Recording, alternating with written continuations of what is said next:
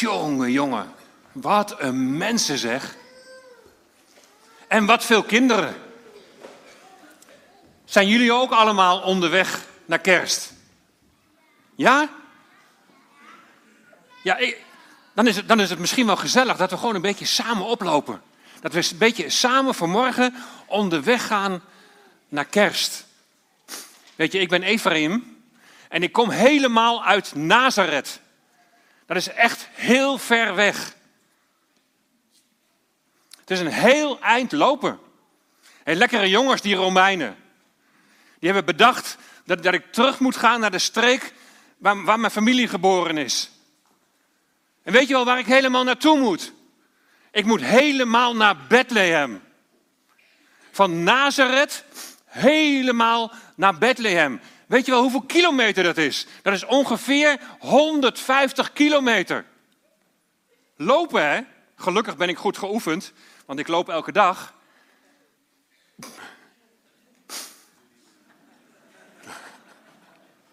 Waarom lachen de mensen nou? Ja, je moest, in die tijd moest je natuurlijk heel ver lopen, elke dag van weer. Wie, wie van jullie heeft wel eens de avondvierdaagse gelopen? Misschien heel veel kinderen. En hoeveel kilometer moest je dan lopen?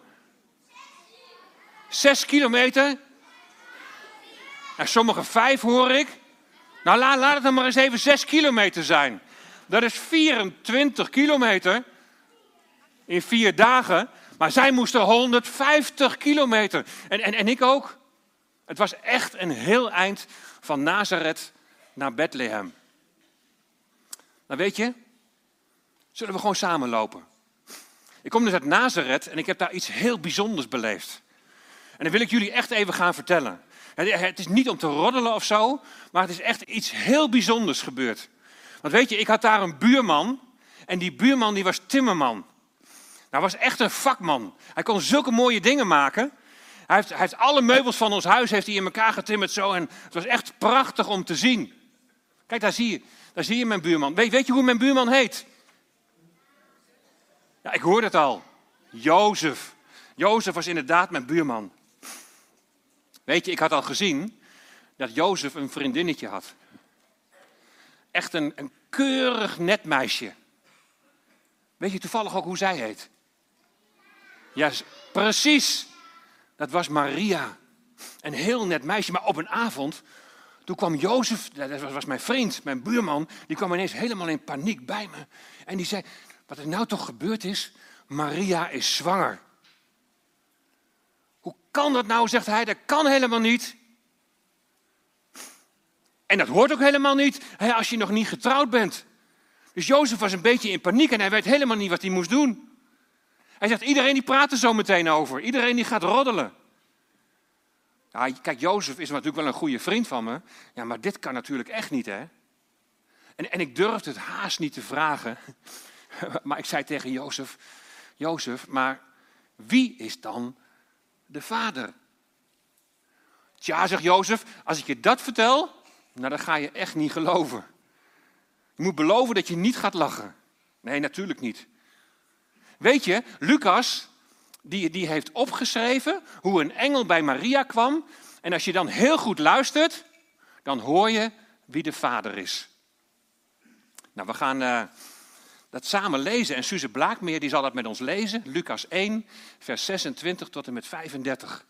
Dus goed luisteren, want dan ga je horen wie de vader is.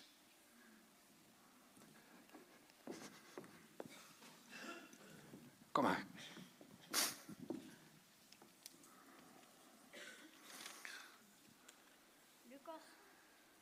Mag, mag maar even. Ik heb hem volgens mij uitgezet. Kan die ook gaan? Oh.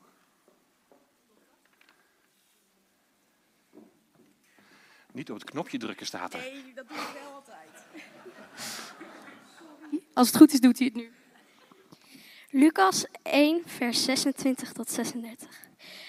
God stuurde de engel Gabriel naar Nazareth, een stad in Galilea. Elisabeth was toen zes maanden zwanger. De engel ging naar Maria, een jonge vrouw die zou gaan trouwen met Jozef. Jozef kwam uit de familie van koning David. De engel zei tegen Maria: Ik groet je, Maria. God heeft jou uitgekozen. Hij zal bij je zijn. Maria schrok van de woorden van de engel. Ze vroeg zich af wat hij bedoelde. Toen zei de engel tegen Maria: Je hoeft niet bang te zijn, Maria. God heeft je uitgekozen voor iets moois.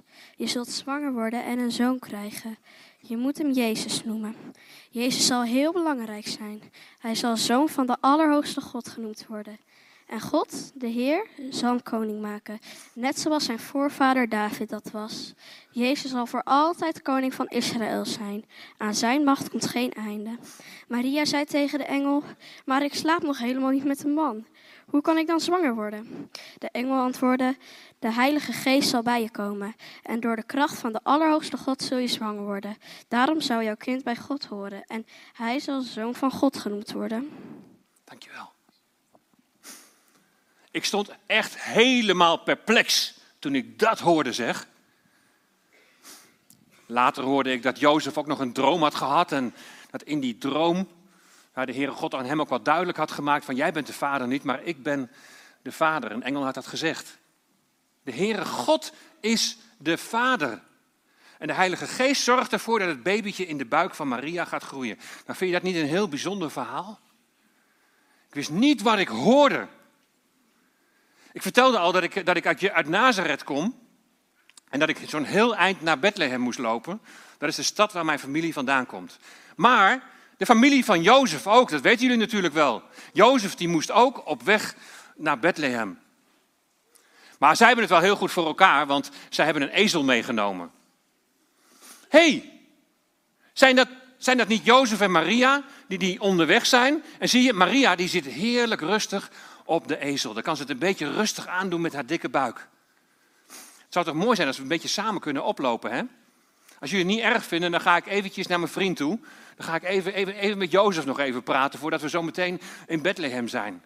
Het is veel leuker om, om lekker samen onderweg te zijn naar kerst. Hé hey Jozef, wat mooi om jou hier tegen te komen. Kunnen jullie het nog een beetje volhouden, zo'n lange tocht? Nou, ik hoorde Maria al wel een beetje zuchten. Poeh, die had het bijna niet meer. Ik zeg, nou kom op Maria, nog een heel klein stukje. We zijn bijna, ik zie in, in de verte zie ik al de heuvels van Bethlehem. Dus het is echt nog maar een heel klein stukje. Mooi hè, dat we zo samen onderweg kunnen zijn. Hè, eindelijk. We zijn er. Nu natuurlijk nog een goede slaapplek vinden. Kijk eens hoe druk het is. Overal het bordje vol erop. Er is nergens plaats. Helaas, wij zitten vol, geen plek. Maar jullie moeten wel ergens uitrusten, Jozef en Maria. Want anders houden jullie het niet vol. En Maria gaat binnenkort ook nog bevallen. Kijk, maar daar, daar is een of ander afdak, zegt hij. En daar, daar ligt heel veel stro. Misschien kunnen jullie daar een mooi plekje vinden. Het is misschien niet ideaal, maar dan kunnen jullie toch even lekker voor vannacht gaan slapen. Ik pas er niet bij, dat snap ik, maar ik vind wel wat. Ik denk dat ik even naar de herders in het veld ga. Kan ik even lekker slapen bij, de, bij, het hooi en bij, bij, bij, de schapen en bij de lammetjes, lekker warm. doe voorzichtig aan, Maria. Wel fijn hè, dat ze een goede plek hebben gevonden. Kijk, daar in de verte, daar, daar zie ik een kudde schapen lopen. Even naar de herders toe. Hey, vinden jullie het goed dat ik vannacht bij jullie kom overnachten? Want ik heb geen plekje gevonden. En gelukkig maken ze er geen probleem van. En toen hoorde ik bij de herders in het veld, toen ik bij de herders in het veld was, toen gebeurde er iets heel bijzonders. En ik heb het later ook weer aan Lucas verteld. En die heeft het allemaal opgeschreven. En misschien kan Lieselin Ploeg even aan ons voorlezen. Lucas 2, vers 8 tot en met 14. Dan gaan we kijken wat er daar bij die herders in het veld, wat daar gebeurd is. En ik heb het meegemaakt en let op, want het is echt heel bijzonder. Die nacht waren, de herders, waren er herders in de buurt van Bethlehem. Ze pasten buiten op hun schapen. Opeens stond er een engel tussen de herders en het licht van God straalde om hen heen. De herders werden bang. Maar de engel zei: Jullie hoeven niet bang te zijn, want ik breng jullie goed nieuws. Het hele volk zal daar blij mee zijn. Vandaag is jullie redder geboren, Christus de Heer. Hij is geboren in Bethlehem, de stad van David. En zo kunnen jullie hem herkennen. Het kind ligt in het voerbak en het is in een doek gewikkeld. En plotseling was er een engel bij het hele groep engelen. Ze eerden God en zeiden: Alle eer aan God in de hemel en vrede op aarde voor de mensen van wie God houdt. Dankjewel hoor. Nu hebben jullie het gehoord hè, wat daar voor bijzonders is gebeurd daar in het veld. Je mag wel gaan zitten hoor. Geef die maar aan mij. Ja, goed zo.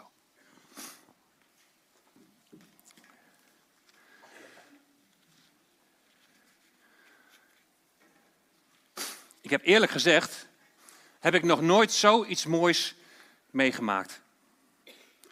Ik, ik had ook eigenlijk niet verwacht dat Maria al zo snel zou bevallen. Jullie wel? Het is denk ik heel snel gegaan. Het kind in een voerbak, zei de engel toch?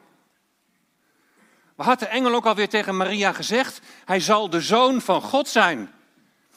Maar als dat, e- als dat echt zo is, dan zou je toch verwachten dat hij in een paleis geboren zou zijn. Eerst kon ik Jozef niet geloven dat bij Maria een engel was geweest, maar nu heb ik zelf een engel gezien. Ik heb zelfs een hele engelenschare gezien en die hebben, die hebben gezongen. Heb je gehoord wat ze, wat ze gezegd hebben over dat kindje dat geboren is? Vandaag is jullie redder geboren, de Messias geboren in Bethlehem in de stad van David. Redder, Messias. Snappen jullie waar dit allemaal over gaat? De herders die wilden natuurlijk direct naar Bethlehem toe. Ze wilden direct het kindje gaan bezoeken. Ik zei, nou kom maar mee, want ik weet waar het kindje is. Dus we gingen samen op weg en ik zeg, nou daar nog even het hoekje om, dan tweede weg rechts en, en, en daar moeten ze zijn. Ah, kijk toch eens, wat schattig. Maar die herders die hebben helemaal geen geduld, want ze moesten hun verhaal kwijt. Ze vertellen aan Maria wat de engel heeft gezegd. Want het kindje dat geboren is, is natuurlijk niet zomaar een kindje. Hij is de, hij is de koning, hij is de Messias, zeggen de herders. En hij is gekomen om het volk te redden. En het overvalt Maria allemaal een beetje en ze denkt, wat gebeurt er toch allemaal? En steeds meer dringt tot haar door hoe bijzonder het is. En jullie kennen natuurlijk allemaal het verhaal van Jozef en Maria en de geboorte van de Heer Jezus. En we zijn zo samen onderweg gegaan om in Bethlehem het kindje geboren te zien worden. En samen onderweg naar kerst. Samen onderweg naar Jezus de Messias. God die mens geworden is. En ik hoorde groep 5 tot en met 8 hoorde ik daar net over zingen. Over God die een kindje geworden is. God die mens geworden is. En eigenlijk is dat wel heel bijzonder hè. Dat God mens geworden is. Weet je, er was, er was ooit was er een boer en die geloofde daar helemaal niks van. Hij zegt, wat is dat voor een onzinverhaal zeg? Dat God mens geworden is, dat, dat kan toch helemaal niet? Hij geloofde niet in de Heer. Zijn vrouw wel. En ook zijn dochtertje. En hij deed ook niet altijd zo aardig tegen zijn vrouw. Als hij vertelde over de Heer Jezus. Hij zegt, wat is toch voor flauwekul, daar moet je niet meer in geloven. Jawel, zegt zijn vrouw, ik geloof zeker dat God mens geworden is. En dat de Heer Jezus naar deze aarde is gekomen om ons te redden. En op een avond, het sneeuwt, gaan, gaan, gaan de moeder en de dochter, die gaan samen op weg naar de kerk, want het is kerstnachtdienst. En weet je, de boer, de papa gaat niet mee. Die heeft zoiets van, nou ik geloof niet in die flauwekul, gaan jullie maar en ik blijf wel lekker alleen thuis. En opeens, dan zit hij daar en dan komt er een sneeuwstorm, het wordt heel slecht weer en dan hoort ineens een harde knal op, de, op het raam. En op een gegeven moment hoort hij er nog eentje. En hij denkt, wat gebeurt er toch? En dan gaat hij naar buiten en weet je wat hij ziet? Allemaal ganzen. Ganzen die waren op weg naar het mooie weer, maar door de sneeuwstorm zijn ze de weg kwijtgeraakt. En er zaten al die ganzen daar in de wei bij de boer. En hij dacht, wat moet ik toch met al die ganzen?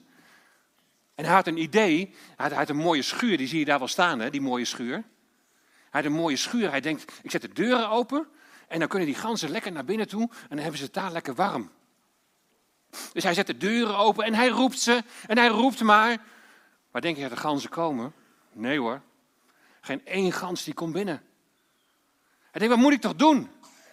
En, en dan gaat hij ze opjagen. Dan zegt hij, kom op, kom op, Hup, in die schuur. Maar geen van de ganzen, die ja, komen wel in beweging, maar die schieten alle kanten op. Behalve dat ze de schuur in gaan. En daar moeten ze juist naartoe, want daar is het toch lekker warm. wat moet ik toch... Maar dan heeft hij een goed idee. Hij dacht, weet je wat? Ik leg gewoon een heel spoor van lekkere stukjes brood neer. Zo naar de schuur toe. En weet je wat, dan, komen ze vanzelf komen ze op dat brood af. En dan komen ze zo naar de schuur en dan komen ze vanzelf wel naar binnen. En denk je dat dat gaat lukken? Nee, inderdaad klopt. Dat gaat ook niet lukken. En de boer die is ten einde raad. Wat moet ik nou doen? Hoe krijg ik die ganzen nou in de schuur? En op een gegeven moment denkt hij na. En dan denkt hij van, ja, eigenlijk zou ik een gans moeten worden. Maar als ik een gans ben, dan komen ze vast wel achter mij aan. Dan gaan ze wel naar mij luisteren. En terwijl hij dat dacht, schrikt hij ineens. En dan, dan, dan bedenkt hij ineens, oh, maar dat was het. God moest mens worden, zodat wij achter hem aan zouden gaan. Zodat wij naar hem zouden luisteren. Dat wij zouden luisteren om door hem gered te worden. En in die warme schuur te komen en te schuilen onder de schaduw van zijn vleugels. God is mens geworden. De boer geloofde er eerst helemaal niks van. Maar hij had dit even nodig met die ganzen. En ik denk dat die ganzen door de Heere God gestuurd waren. Om hem even te leren na te denken van... Je kunt deze ganzen alleen maar redden als jij zelf gans wordt. En zoals met de Heere God ook. Hij is mens geworden, zodat wij hem zouden kunnen begrijpen. Zodat wij zijn stem zouden horen. Zodat we zouden horen dat hij heel veel van ons houdt en dat hij gekomen is om ons te redden. En hetzelfde kindje dat geboren werd in Bethlehem, is later aan het kruis gestorven. En heeft zijn eigen leven gegeven om ons te redden. Zodat al onze zonden, al onze verkeerde dingen worden vergeven. En we voor altijd bij de Heere God mogen zijn. Maar is dat een genade? Nou, ik hoop dat jullie, en dat is maar een voorbeeldje natuurlijk, dat jullie allemaal in die warme schuur willen. Dat jullie allemaal willen schuilen bij de Heere God. Dat jullie allemaal willen schuilen bij de Heer Jezus. En dat jullie allemaal in Hem zullen geloven. Ik vond het zo mooi om al die kinderen hier te zien. Ik had het zo, zo, net ook met groep 5 tot en met 8. Ik had gewoon een moment dat ik dacht van ik moet even bijkomen. Moet ik nou direct hierna gaan preken en, en dingen gaan vertellen? Ik moest gewoon even bijkomen. Ik was zo onder de indruk. Zo prachtig hoe ze hier stonden.